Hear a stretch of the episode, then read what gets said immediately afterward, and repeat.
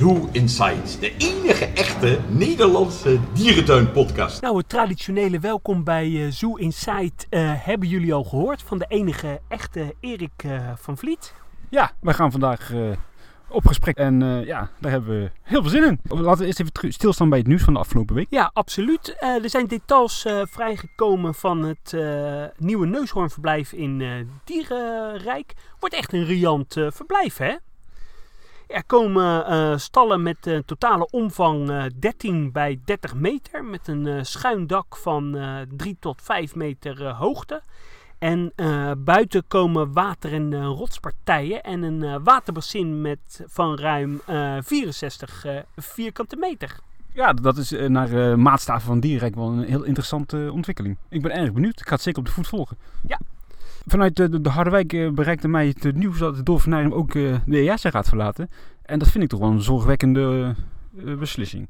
Ik denk dat je als Dolfinarium anno 2019 toch wel enigszins baat bij een lidmaatschap van de EASA hebt. Wat vind jij ervan? is enorm jammer. En ja, het is een ontwikkeling die ik met eh ledenogen zie. Ja, ik ben wel, toch wel een beetje bang voor de toekomst van dit park. Ja, absoluut. En zonder dat ze uit de JASA eh, zijn. Eh, door naar eh, Burgers eh, Zoo. Die is open tot eh, 9 maart. Tot eh, 21 uur s s'avonds. Avondopenstellingen. Ga jij er nog heen? Ja, misschien dat ik volgende week even daar langs wip met onze collega Harm. En als laatste in Paradijsa zijn wolven aangekomen. En dat zijn timberwolven. En die schijnen wel redelijk, nou ja, niet zeldzaam. Maar dat is een Amerikaanse soort of zo. En er komen ook nog Europese soorten. Het ziet er allemaal wel fantastisch uit daar in Paradijzen. Ik ben erg benieuwd. Nou, jullie hebben ons afgelopen week ook weer eh, kunnen volgen op eh, Instagram, YouTube, Twitter eh, zijn we actief. Eh, ja, en daarin hebben jullie ook de leuke teaser kunnen zien met Erik van Vliet. Die is goed bekeken. Ja, la- goed, goed bruggetje. Laten we meteen overgaan naar het eh, gesprek met Erik. We zitten hier op een bijzondere locatie in Dierenpark Amersfoort. In het eh, restaurant. Hoe heet dit restaurant? Ja, volgens mij de boerderij toch? De Boerderij. Helemaal juist, de boerderij. Voorheen het eh, theehuis en daarvoor de theeschenkerij. En u herkent hem eh, waarschijnlijk vast al eh, aan zijn markante stem. Hier eh, zit de enige echte Nederlandse dierentuinontwerper, Erik van Vliet. Ja, goedemorgen Erik. Goedemorgen. Ondertussen gelukkig niet meer helemaal de enige, maar nog wel een van de weinigen. Ja, zeker. Sowieso de enthousiaste ontwerper die wij Ja, kennen. zeker. Erik, eh, we kennen jou onder andere van heel veel projecten in eh Dierenpark Amersfoort, de Stad der Oudheid, het schitterende olifantenverblijf. Eh, in Safari Park Beekse Bergen heb je heel veel dingen gedaan. Kan je een aantal projecten noemen waar we van jou zouden kunnen kennen in Nederland? De allereerste keer dat ik wat mocht, mocht ontwerpen was inderdaad in Beekse Bergen. Dat was na een paar jaar vruchteloos solliciteren, uitzichtloos allerlei dierentuinen uit aanschrijven. Maar op een mooie dag belde Wim Verberg, moest de toenmalige directeur van Bergen. En die zei, ik heb goed nieuws en ik heb slecht nieuws. Het slechte nieuws is dat we bijna failliet zijn. Maar het goede nieuws is dat als we er samen uitkomen en je niet al te veel geld vraagt, dat je dan eens eh, een keertje langs moet komen. Nou, zo gebeurde dat en het klikte heel erg, want Wim die wilde eigenlijk af van die, van die auto's door het safaripark. Maar tegelijkertijd wilde hij de grootschaligheid van, van Beekse Bergen behouden, de grote open savannevlaktes. En toen zijn we daar samen allerlei manieren voor gaan bedenken om dat, eh, om dat te combineren, die twee dingen. Dus in Beekse Bergen heb ik heel veel gedaan. En voor de rest vraag je naar andere Nederlandse dierentuinen. Nou, Amersfoort natuurlijk in de eerste plaats. En verder in eh, Avifauna en in, ehm, in Overloon, Dierenrijk en in Aquazoo en in Duitjehoorn. En voor Nederland was dat het. wel. In, in België bent u bekend vanuit Plankendaal, hè? En van de Zoo van Antwerpen. Ja, ja, daar zit je in een ja. adviesraad toch? Of met een team of doe je dat zelf? Nee, ik ben er ook als ontwerper bij Ah, betrokken. ja. En heel lang geleden heb ik ook nog wel eens wat gedaan voor Monde Sauvage. Oh ja, ja. En eh, hoe ben je eigenlijk eh, er zo toe gekomen om eh, dierentuinarchitect te worden? Dieren waren altijd mijn grote passie. En omdat ik als kind in Den Haag woonde, was Dierenpark Wassenaar, het onvergetelijke Dierenpark Wassenaar, natuurlijk de plek bij uitstek om heel Mhm. vaak naartoe te gaan. Mhm. En toen ik 12 was, mocht ik daar helpen als verzorger. Eerst op de kinderboerderij, later in de Hoefdierenwijk en in het eh, Junglehuis. En het verzorgen van dieren vond ik eh, heel mooi. Het is nog Mhm. iets waar ik bijna elke dag aan denk, wat ik toen geleerd. Maar nog spannender leek me het bedenken van dierverblijven. Hoe, hoe zou je nou dieren moeten onderbrengen op een manier waar, waardoor een dierentuin eigenlijk veel aantrekkelijker wordt. En toen heb ik een combinatie gedaan van tuinarchitectuur en biologie. En daarna ontstonden de al eerder eh, genoemde moeilijke jaren waarin geen hond een dierentuinontwerper nodig bleek te hebben. Omdat je dat als eh, dierentuineigenaar gewoon al even deed. En als er een gebouw moest komen, dan nam je een architect in de, in de arm. En uiteindelijk eh, was het dus Beekse Bergen waar ik voor het eerst een kans kreeg. Mooi. Nou, je hebt heel veel projecten gedaan. Waar kijk je het met de meeste voldoening, of wat, waar ben je het meest trots op wat je ooit hebt ontworpen? Ah, eh, Gewetensvraagje, Chance to see. De ehm, Aziatische sectie in Ramat Gaan vind ik geslaagd. Maar nog steeds ook de stad der oudheid in Dierenpark Amersfoort. En de totale renovatie van, eh, van, van Beekse Bergen. En doorloop, doorvaren en doorbuspark. Ja, dat, die drie zou ik toch wel willen noemen, denk ik in de eerste plaats. En de Chimpansees in Maagdenburg. Ja. En eh, nou, nog zo wat van die dingen. En wat is het grootste project wat je ooit hebt gedaan? Dat is ehm, nog niet klaar, maar eh, de bouw is in volle gang. In eh, de dierentuin van Boedapest gaan we een heel groot eh hallencomplex bouwen. En daar kunnen de bezoekers iets meemaken van hoe de Hongaarse fauna eh, 20 miljoen jaar geleden uitzag. Eh, dus je hebt dan te maken met de charismatische grote zoogdieren die toen allemaal nog eh, Centraal-Europa bevolkten. Ik ga... En eh, daar, daar wordt nu aan gebouwd en ik ben heel benieuwd hoe dat. En dat is, we hebben dat al wel eens eerder in onze podcast genoemd. Dat is het gebied waar vroeger een soort pretpark was. Hè? En dat is het uitbreidingsstuk van Boedapest. Toch? Ja, dat klopt. Het enige wat straks nog zal herinneren aan het eh, pretparkje is de houten achtbaan. De oudste in zijn soort en een monument. Dus daar hebben we op een eh, hele vernuftige manier dat hallencomplex omheen gebouwd. En dat is echt een reuzenhallencomplex. Hè? Dat is gigantisch groot. Eh, ja, zo 1,7 hectare. Dus het, eh, groter dan Gondwanaland of eh Masoala. Ja. En daar komen olifanten, mensapen. Ja. En eh, mogelijk ook bootjes hè, waar, waarmee je doorheen eh, vaart. Dat is eventjes eh, zoeken hoe je dat dan moet doen. Want 20 miljoen jaar geleden waren er natuurlijk nog niet zoveel bootjes in Hongarije. Maar dat hebben we gewoon als concessie toch maar geaccepteerd. Dat je Ja. daar, op een moderne manier doorheen kunt. En ontwerp je dat zelf of doe je dat als onderdeel van een team? Ontwerpen is altijd teamsport. Hoe opener je begint, hoe beter een project gedragen wordt en hoe leuker het eindresultaat eigenlijk is. Hè? Mhm. En tegenwoordig zijn dierentuinen steeds ingewikkeldere en grotere organisaties. Dus je hebt natuurlijk te maken met de eh, dierenmensen, de commerciële mensen, de, de technische mensen, educatieve mensen. En eh, ja, het, het, eh, de fase van laten we allemaal alles in de grote hoge hoed gooien wat we, wat we kunnen bedenken, is eigenlijk altijd een hele Ja. leuke fase aan het begin van een project. Wat zijn je verwachtingen van Budapest? Wordt dat een, eh, wordt dat een hal op het niveau eh, Gondwana, eh Massola, eh, Bush? Ja, beslist. En Ja? dan met een enigszins andere twist, omdat we niet alleen in de ruimte op reis gaan, maar ook in de tijd. En dat is eigenlijk wel jammer dat heel veel dierentuinen dat, eh, dat laten liggen. Hè? Na de sluiting van het onvergetelijke biogron is er eigenlijk in Europa heel, heel weinig aandacht voor de Mhm. geschiedenis van het leven. Terwijl je daar net zulke spannende eh, eh, displays aan kunt wijden als aan een reis naar een uithoek van de, van de aarde met bestaande fauna. ja. Want het biogron in Emmen was fantastisch. Hè? Oh, dat was zo bijzonder. Ja, Eh, jammer dat dat er niet meer is. Het is er nog wel, ja, maar jammer dat het leeg staat. ja. Ja, zoals uh, Aleid Rens in haar memoires schrijft, is nooit een periode geweest in de geschiedenis van het park dat we zo enthousiast en zo gepassioneerd aan iets bezig waren. Ze waren met iets volledig nieuws bezig. Ja, ja. Maar u heeft, u heeft ook nog getekend, toch? Voor, voor Emma, of niet? Nee, voor Emmen heb ik, heb ik nooit wat gedaan. Okay, wel eens een leuke plattegrond. Dat ja, was het, ja. Grappig dat jullie dat zo ja. weten. Ja. ja. Nee, ik heb een tijdje in de, op de kunstacademie ook nog gezeten in, in Kampen. En dat was niet ver weg. En toen ging ik elke week naar Emmen. En toen realiseerde ik me, zo kan het ook. Dit is een dierentuin van een hele andere orde dan uh, de andere dierentuin uit, uh, uit die tijd. Hier in Amersfoort zijn de budgets uh, natuurlijk kleiner als bijvoorbeeld in, in een grote tuin als Boedapest.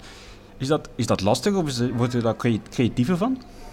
Ja, ze zeggen wel eens, als je drie nullen van het budget afhaalt, dan ontstaat de echte creativiteit. En dat is ook wel een beetje zo. Hier in Dierenpark Amersfoort zijn we ons heel erg bewust van de schoonheid van het bestaande bos, de oeroude beuken. En, en, en, en andere bomen, daar gaan we heel zuinig mee om. En we kijken naar bestaande faciliteiten, wat we daarmee kunnen doen. En we proberen de oude sfeer in ere te houden. Dat, dat zijn de, de mm -hmm. uitgangspunten van alles wat we hier eigenlijk in het park doen. Heb je wel eens ooit aan een heel groot project uh, gewerkt wat helaas nooit eens door is gegaan? Ja, helaas diverse. Um, kan je een aantal noemen? Taman Indonesië. Hè, we kennen het nu uit de kop van Overijssel, maar dat uh, ging ooit in de jaren 90 van start als een uh, zeer grootschalig Indonesië themapark. Uh, geïnitieerd door, de, door uh, Henk Wagerman, hè, die ja. uiteindelijk uh, op, uh, op, eigen gelegenheid met een wat kleinschaliger initiatief is geworden. En toen kwam ik daar als, als student en toen zag ik al die foto's aan de muur hangen van Komodo, waranen, Sumatraanse neushoorns. En toen dacht ik, nou, dat gaat toch zeker niet lukken allemaal. En toen zei hij, nou, we hebben onze contacten met um, president Suharto. En dat, uh, dat komt er allemaal wel. Hm? En uh, ja, zo moet je dat natuurlijk wel doen. En ook altijd in het achterhoofd houden dat niet elk project doorgaat, maar je moet er wel 100% voor gaan als je in de flow zit. En niet alle omstandigheden zijn, zijn manipuleerbaar. Nee. Nog andere droomprojecten die. Een project wat ook betrekking heeft op een geheel nieuw park en wat wel doorgaat, is een um, dierentuin in de Negev-woestijn in het zuiden van Israël, bij Beersheba. Daar ga ik morgen weer naartoe. En daar gaan we een dierentuin maken gewijd aan de woestijnen van de wereld. Gaaf. Oké. Okay. Dus van de Negev ga je naar de Kalahari, van de Sonora naar de Australische Outback. En daar willen we laten zien hoe mooi en interessant de woestijnen zijn. Ook al is het leven vaak onder de grond, maar daar ligt nou juist de leuke dierentuin uh, ontwerptechnische uitdaging. Laat je bezoekers dan ook onder de grond kijken ja? Ja. wat daar allemaal gebeurt. Heb je eigenlijk een, uh, een, een droomproject uh, of een idee wat je ooit wel eens zou willen doen, maar wat helaas nog nooit is gebeurd? Ja, ik ga hetzelfde antwoord geven als, uh, als uh, volgens mij was het uh, Jan van Lionhouse. Ja. ik zou zo heel graag eens mee willen werken aan een grootse oceaanproject. Omdat heel veel aquaria vandaag, eigenlijk alle aquaria, nog heel museaal zijn. Hè. Er zijn aquaria die, die schieten nog steeds als paddenstoelen uit de grond.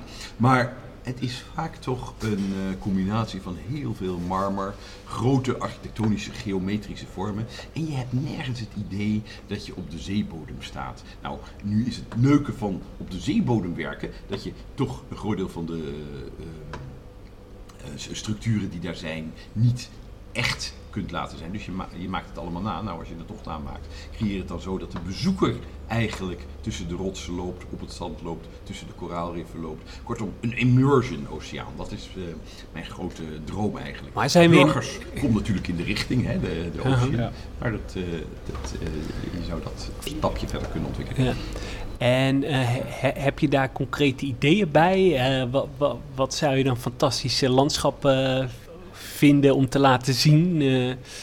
De koraalriffen zijn natuurlijk fascinerend. En, Mhm.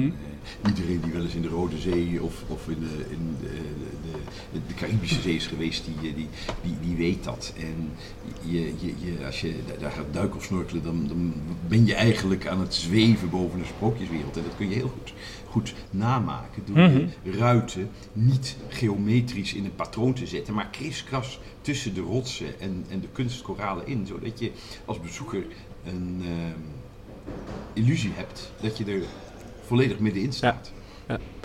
Eh, wat, wat vind je mooie aquaria? Ik vind eh, burgers nog steeds eh, onovertroffen. Hè. Daar heb je het, het gevoel van, van, van grootschaligheid van de oceaan. Je ziet eigenlijk helemaal niet waar de ene bak ophoudt en, en de andere begint. Eh Sint Jordi op eh, Mallorca, dat is een kleiner aquarium waar ook heel Is heel mooi, hè? Ja, ook veel Ja. Oh, dat kennen jullie Ja, ook. zeker, Dat ja. is een van die geheimpjes die lang niet iedereen Ja, kent. Hè, zeker, ja. bijzonders is. Ooit wel eens in Georgia Aquarium geweest? Ja, ook indrukwekkend. Wel, wel weer heel architectonisch, maar qua, qua dierbestand en met name die, eh, die reuzenhaaien. Fantastisch, hè? Als je dat voor, dat is net zoiets als voor het eerst een, een miereneter of een neushoorn zien. Ja. Zou zo'n aquarium in Amsterdam niet fantastisch zijn? Amsterdam heeft al een heel mooi aquarium in Arctis. Ja. Eh, ik weet niet of Nederland de plek is voor nog een grotere, nog een grote oceaan. Mhm. Misschien België. Eh, Ja. Laten we eerlijk zijn, na eh, het verdwijnen van Acatopia is er eigenlijk niet, niet een heel groot... Het zou mooi zijn voor Paradijsa. Ja. ja, ja. Dat is nou echt veel te klein voor met het aantal bezoekers wat dat Ja. komt. Hè? Heeft u ook wel eens een, een project ontwikkeld wat er op de tekentafel geweldig uitzag, maar in de praktijk toch een beetje tegenviel? Haha, wat een goede vraag. Elk project heeft van die, van die randjes waarvan je zegt, dat was, niet, eh, dat was niet zo bedoeld. En dat komt omdat het altijd mensenwerk is. Er is altijd tijdsdruk. Er is eh, altijd een verschil van interpretatie. Je moet dat, je moet dat zien te minimaliseren.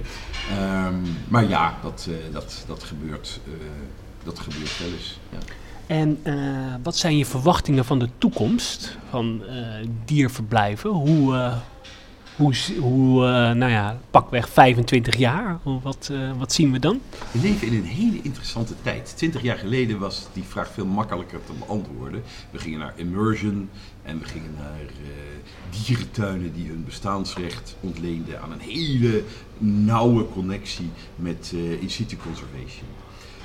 Dat zien we nog steeds, maar aan de andere kant wil, het wil de bezoeker ook weer al die oude gezellige dingen zoals dieren voeren, dieren aanraken. Een dier moet lekker de ruimte hebben. Ja, natuurlijk, dat, eh, dat eis jij als bezoeker. Maar tegelijkertijd moet hij wel pal voor jouw neus staan als jij naar de dierentuin komt. En je hebt echt niet langer de tijd dan één minuut om te wachten tot die, eh, tot die misschien eens ergens in de bosjes te ontwaren is. Dus ik zie twee hele tegengestelde tendensen bij eh, onze bezoekers. Aan de ene kant gaan ze mee met het dierentuinbeleid van serieus een rol spelen in conservation. Een eh, serieuze verbeteringsslag eh, voor wat betreft dierwelzijn. Maar aan de andere kant eh, ja, worden shows, hands-on activiteiten en ehm, ja, bepaalde reclame-uitingen die verre van serieus en integer zijn, toch ook niet. Mhm. En eh, dat is bijvoorbeeld een ontwikkeling die je terugziet in eh Paradijsa, waar met de olifanten gezwommen wordt. eh, Ja, hoewel ik moet zeggen dat het in Paradijs eh, heel, heel integer gebeurt. absoluut, Ja. zeker weten. Ja. Maar het verschijnsel van, van een, een, een papegaai op een bromfietsje is ook nog niet uitgestorven. Nee, zeker. Als je kijkt naar bijvoorbeeld parken als, eh, als Disney of Univ- U- Universal, Universal. die In echt, in Orlando. die echt um, immersive eh, projecten neerzetten als eh, Harry Potter, eh, Pandora, waar je echt totaal meegenomen wordt in een andere wereld. Verwacht je dat ook nog wel eens in dierentuinen tegen te komen? Ja, dat gaan, we wel, dat gaan we wel zien. Dat is overigens niet alleen een kwestie van geld. Het is ook een kwestie van weten hoe je dat moet doen. En, eh, en van goede smaak. Laten we eerlijk zijn, de savanne in, eh, in eh, Orlando, in Animal Kingdom, eh, Animal Kingdom is natuurlijk nog steeds een van de, van de immersion hoogtepunten in de wereld. Je ziet letterlijk geen enkel element wat er eh, op hint dat de dieren in een afgescheiden omgeving zitten. Sterker nog, het is mooier dan Afrika zelf. ja. Ja, Afrika is wel goedkoper. Dat... Ja. Ja, Afrika is een beetje goedkoper. Ja, er gaat niets boven de echte natuur, maar... eh, en, en dat kun je ook doen met, eh, met lagere budgets. Als je Ja, is dat zo? Want- speelt met, je, met je zichtlijnen.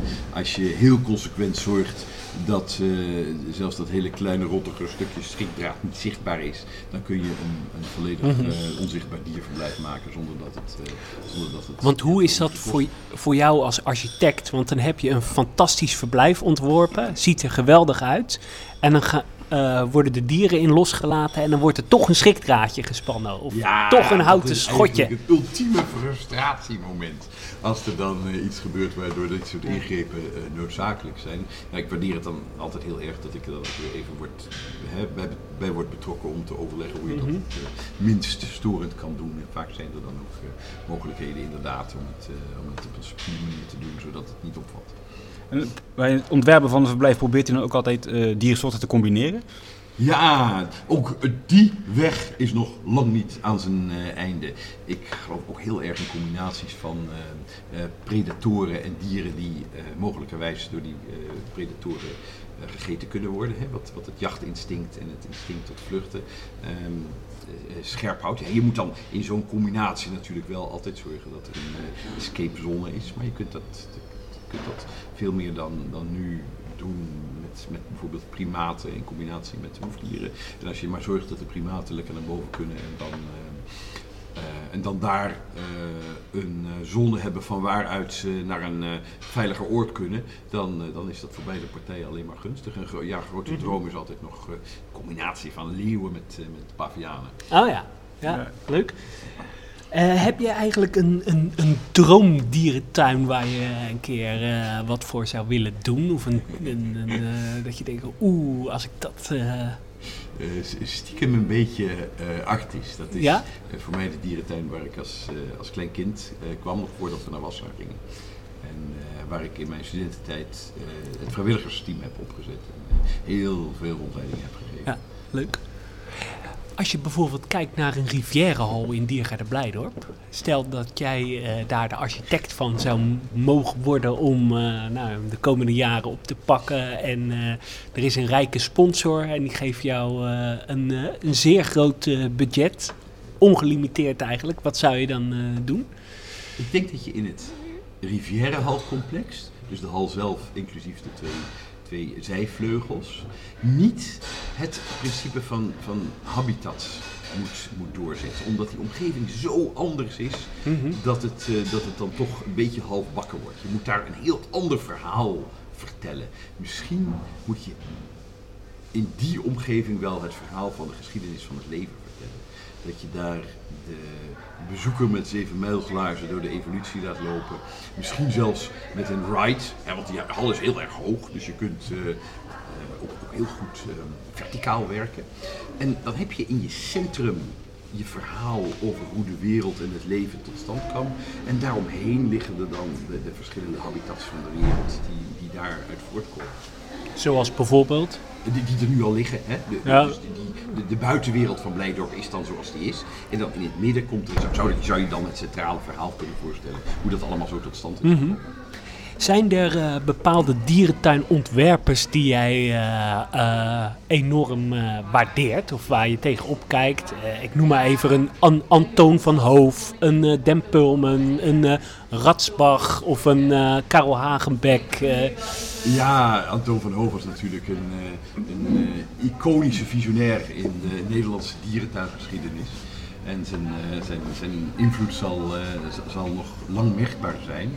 Ehm, vandaag de dag eh, inderdaad eh, Den Pearlman, bekend van eh, belevingsarchitectuur. Onder andere in Hannover, hè? Om hele andere dingen te doen. Hè. Ja. Als je ziet wat ze in, Ble- in eh, Berlijn hebben gedaan, het Reuzenpandageleid, is het weer van een hele andere aard. Dus wat, wat, ik, wat ik heel leuk van, van hun club vind, is dat ze heel divers zijn en, en zich heel goed weten aan te passen aan de, aan de stijl van de dierentuin waar ze werken. Bezoek je privé nou ook nog wel eens dierentuinen? Ja, natuurlijk. Alles bij elkaar, ja, zo bijna 500 dierentuinen gezien in de wereld. En overal leer je wat. Ook in die hele kleine, slechte rotparkjes waar je Ja. eigenlijk niet naartoe moet. En waarvan je eigenlijk zegt, die moeten niet bestaan. Dan, dan zie je toch vaak dingen in de sfeer van combinaties van dieren, van eh, afscheidingstypen, van dingen die tegen alle eh, op gezond verstand gebaseerde verwachtingen toch goed gaan. Kortom, eh, je moet nooit niet naar een dierentuin gaan. Wat is, zijn van die eh, 500 je favorieten? In Europa ben ik een grote fan van Leipzig, waar het ehm, historische hart gecombineerd wordt met een, eh, een hele natuurlijke, spectaculair natuurlijke eh, omlijsting. En dat op een Mhm. klein eh, oppervlak. Hè. Dat, dat, Ja. dat vind ik altijd heel, heel knap als je dat voor elkaar krijgt, om daar dan Mhm. toch de suggestie van ruimtelijkheid te krijgen. In Nederland is ja, burgers nog steeds onovertroffen. Oké, ja. Laten we eerlijk zijn. ja. En verder van huis is mijn favoriet de Bronx in New York. Absoluut. Zo'n ouderwetse, eh, klassieke dierentuin met fantastische historische gebouwen. En daaromheen hele mooie natuurlijke presentaties waar eh, altijd een hele duidelijke link is met, eh, met in-situ conservation. Nou ja, en mooi ook bijvoorbeeld in de Bronx, waar je eh, Jungle World hebt, die misschien al 30 jaar oud is en Ja. er nog steeds fantastisch Ja. uitziet. Het Ja. Madagaskar-gebied. Ja. Ja, eh, ik moet heel eerlijk zeggen, ik kan je een hand geven, want de Bronx en Leipzig zijn ook mijn favorieten. Ja. ja, het mooie van natuur is dat het eh, tijdloos is. Het wordt eigenlijk alleen maar mooier als je iets, eh, iets op een natuur... Kijk naar de bush, die wordt ook elk, elk jaar, is nu meer dan 30 jaar, is, is die maar elk jaar wordt die eigenlijk nog, eh, nog mooier. Terwijl als je een architectonisch gebouw neerzet, is dat over na 30 jaar eigenlijk alweer aan zijn einde en, en, en wordt het als, als, ehm, als, als verouderd ervaren. Als we kijken naar eh Burgers Zoo, hè, daar maken ze echt eh, eco-displays in, eh, in bepaalde hallen. Woestijn, oceaan, eh, eh, regenwoud. Maar zijn er nou ook nog eco-displays die zich ook lenen voor, om in een hal te doen, maar die nog nooit zijn uitgevoerd? Ja, eh, het, eh, de stad als ecosysteem vind ik Mhm. altijd heel, heel interessant. Waar je op veel grotere schaal dan nu het geval is van alles mee zou kunnen doen. Mhm. Eh, je zou ehm, de ondergrondse wereld Mhm. kunnen zien als een, eh, een habitat wat er, wat er nog een beetje bekijkt van afkomt, de dierentuinwereld. En het hooggebergte, dat is een, eh, een, een, een, een derde landschapstype wat eigenlijk niet de aandacht krijgt in dierentuinen die het zou moeten krijgen. Met name in een plat land als Nederland is dat natuurlijk heel spectaculair als er op een gegeven moment een eh, gebergte zou ontstaan eh, van, eh, van enige dimensies met alle dieren die daarbij horen. En denk je dat het technisch mogelijk is om bijvoorbeeld een poolhal te maken met sneeuw en ijs? Ja, in een aantal Chinese dierentuinen zien we er natuurlijk heel grootschalige voorbeelden al van. Hè? Ja. Compleet met, met wolven en ijsberen. Of dat, nou, dat even smaakvol en Ik vind het daar vaak nog is. wel een beetje kitsch en, en betonnerig. Ja, Nou, in Orlando, in SeaWorld is het Ja, wel mooi. zeker. Ja, Maar goed, dat is misschien wel eh, niet zo aan de grote kant eerlijk gezegd. eh. nee, als je dit gaat analyseren op dierwelzijn, dan, dan zijn dat vaak weinig ruimte, eh, kleine Mhm. ruimtes. hè, Terwijl je met name bij ijsberen weet dat, eh, een- ja, dat je ze toch een beetje de, de vierkante meters moet geven om een eh, natuurlijk leven te ontwikkelen. Dus daar zijn we nog niet helemaal uit, Mhm. maar het zijn, eh, het zijn ontwikkelingen die, eh, die je, als je erover nadenkt, op een hele goede manier zou kunnen doen. En u heeft eh, in het verleden ook wel eens plannen gehad om een eigen dierentuin in Den Haag te openen. Ja! Kunt u daar wat meer over vertellen? Eh, dat zou ehm, moeten. Dat, dat, eh, was, dat hadden we gepland in het, eh, in het Zuiderpark, waar een grote renovatie stond te gebeuren en waar de gemeente eh, eh, op zoek was naar eh, ondernemers die daar ideeën voor hadden. En het plannetje van een dierentuin sloeg erg aan in eerste instantie en is later afgeschoten door buurtbewoners die zich ineens realiseerden dat ze dan een eh, hertenkamp en een aantal eh, eh, speelweiders moesten, moesten inleveren. Maar dat was een dierenpark gebaseerd op de landen van herkomst van de diverse Hagenaars. Dus een stukje Marokko, een stukje Suriname, een stukje Indonesië en, en nog een paar landen zouden daar met kleinschalige dieren de revue passeren. Het idee van de stad er oud, is het daarop gebaseerd of niet? Eh, Klinkt wel redelijk bekend namelijk zo. Nee, dat speelde in diezelfde periode, maar de stad der oudheid is ontstaan omdat we ons realiseerden in Dierenpark Amersfoort dat we niet dezelfde budget hadden als in, in, in Arnhem en Rotterdam. Hè, in- even, even terug naar die tijd. Daar ontstonden toen die hele grote... Eind jaren 90, hè? ja, eh, oceaanpresentaties. En, en toen dachten we, nee, nee, nee, laten wij niet proberen habitats te maken. Dan leggen we het af hè, ten opzichte van die twee collega's. Laten we iets heel anders proberen te bedenken. En toen ontstond het idee dieren in de cultuur, dieren in de beschaving. En vanuit dat uitgangspunt de eerste relaties tussen mens en, eh, dier. En, eh, en zo is de stad der oudheid ontstaan. Te meer omdat het eh, een stuk van het dierenpark was waar heel veel, veel muren en, en, en oude gebouwen stonden. Die we eigenlijk op een hele, hele simpele manier konden integreren in dat thema. In, in België word je ook wel de Efteling-tovenaar genoemd. Dat wist ik helemaal niet. Ja, nou, bij deze, hè, dan hoor je nog. Is, een- is een Eh, compliment hoor. Dat is een compliment, ja. Wat vind je van de vergelijking van dierenverblijven met pakweg attractieparken? Moet er meer gethematiseerd worden in dierentuinen? Dat mag, eh, maar het hoeft niet. Er zullen in de toekomst heel veel verschillende dierentuinen er zijn. Er, zijn pla- er is plaats voor verschillende manieren om het aan te pakken. Een puur natuurdierentuin vind ik zelf altijd heel mooi. Maar een dierentuin waar het educatieve verhaal wordt verteld door een heel gethematiseerde omgeving heeft ook recht van bestaan. En eh, daar kun je nog veel meer mee dan we vandaag de dag zien. Moeten dierentuinen en pretparken niet meer naar elkaar toe groeien? Hoe zie jij, eh, hoe zie jij die combinatie van die twee? We zien het in Emmen, in eh, België, in Bellewaarde. Ja, ehm, waar je voor moet oppassen is dat je je dieren niet als een soort props moet gebruiken. Niet als een soort leuke grapjes om je thrill ride kracht bij te zetten. Maar omgekeerd kan ik me wel voorstellen dat je in dierentuinland gebruik maakt van de, van de tools van de, van de, van de themaparkwereld. Waardoor je je verhaal beter kan vertellen. We leven natuurlijk in een eh, maatschappij waar de mensen blootstaan aan steeds meer prikkels, aan steeds meer spectaculaire dingen om hen heen.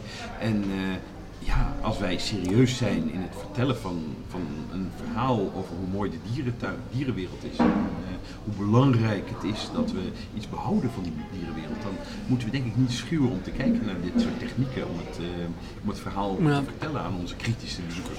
Heb je eh, ooit wel eens iets voor een niet-dierentuin ontworpen? Ik heb wel eens voor het Spoorwegmuseum eh, wat gedaan. En dat was het denk ik, ja. Ja.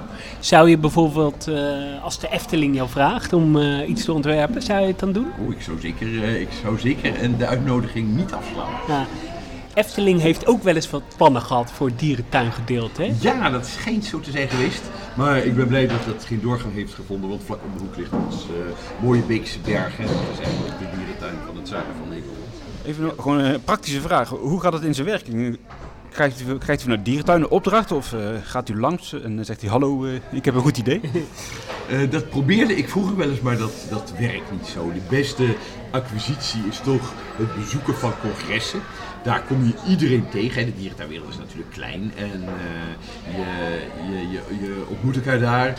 Je drinkt een paar biertjes. En je begint absoluut nog niet te praten over samenwerken. Je laat weten dat je begrijpt wat de problemen zijn van een bestaande dierentuin. Je laat weten dat je er geweest bent, dat je het eh, waardeert wat ze doen, dat je snapt dat het moeilijke omstandigheden zijn waaronder ze werken. En als je voelt dat er dan een klik is, dan moet je vooral nog niet er bovenop springen, maar wachten tot je uitgenodigd wordt. En dan ga je er eens heen. En dat is in eerste instantie vaak op basis van eh, eh, kosten, eh, de, de vlucht en de accommodatie. Dus dat is in, in feite een investering in tijd. En nou, als je dan zorgt dat je ook goede maatjes wordt met eh, alle andere mensen van het team. Dan neem je vaak als de beste vrienden afscheid. Vanuit de verwachting, hier gaan we leuke dingen doen en ik mag daar een rol bij spelen. En dan hoor je typisch een jaar lang niks meer van zo'n dierentuin.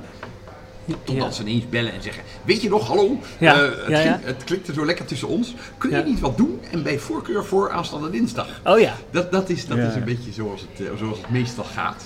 En eh, dat, dat is ook helemaal niet erg. Vroeger raakte ik daar wat gefrustreerd door. Maar elk reisje wat je maakt is ook weer een leermoment. Waar Ja. je heel veel ziet, waar je heel veel begrijpt, waar je heel veel ideeën opdoet voor, eh, voor andere projecten. En je moet vaak een beetje lange adem hebben. Hè. Je, kunt, Ja. je kunt vaak niet echt voorspellen als dierentuin wanneer het, het moment is dat je echt kunt investeren. Wanneer je een volgende grote stap kunt maken. Maar je bent heel af- afhankelijk van eh, andere partijen natuurlijk Ja. ook. Met name omdat een groot deel van de dierentuinen, met name Oost-Europa, nog steeds met handen en voeten gebonden is aan de, aan de, aan de stedelijke overheden. En dat, dat gaat allemaal heel langzaam, heel bureaucratisch. En, eh, dat, eh, dat, dat, is, dat is niet makkelijk. Zijn er zelf nog dingen die je aan het licht wil eh, brengen? Of, eh, Ehm, dat ik heel blij ben dat jullie er zijn en dat er zo'n grote fanclub is van de dierentuinen.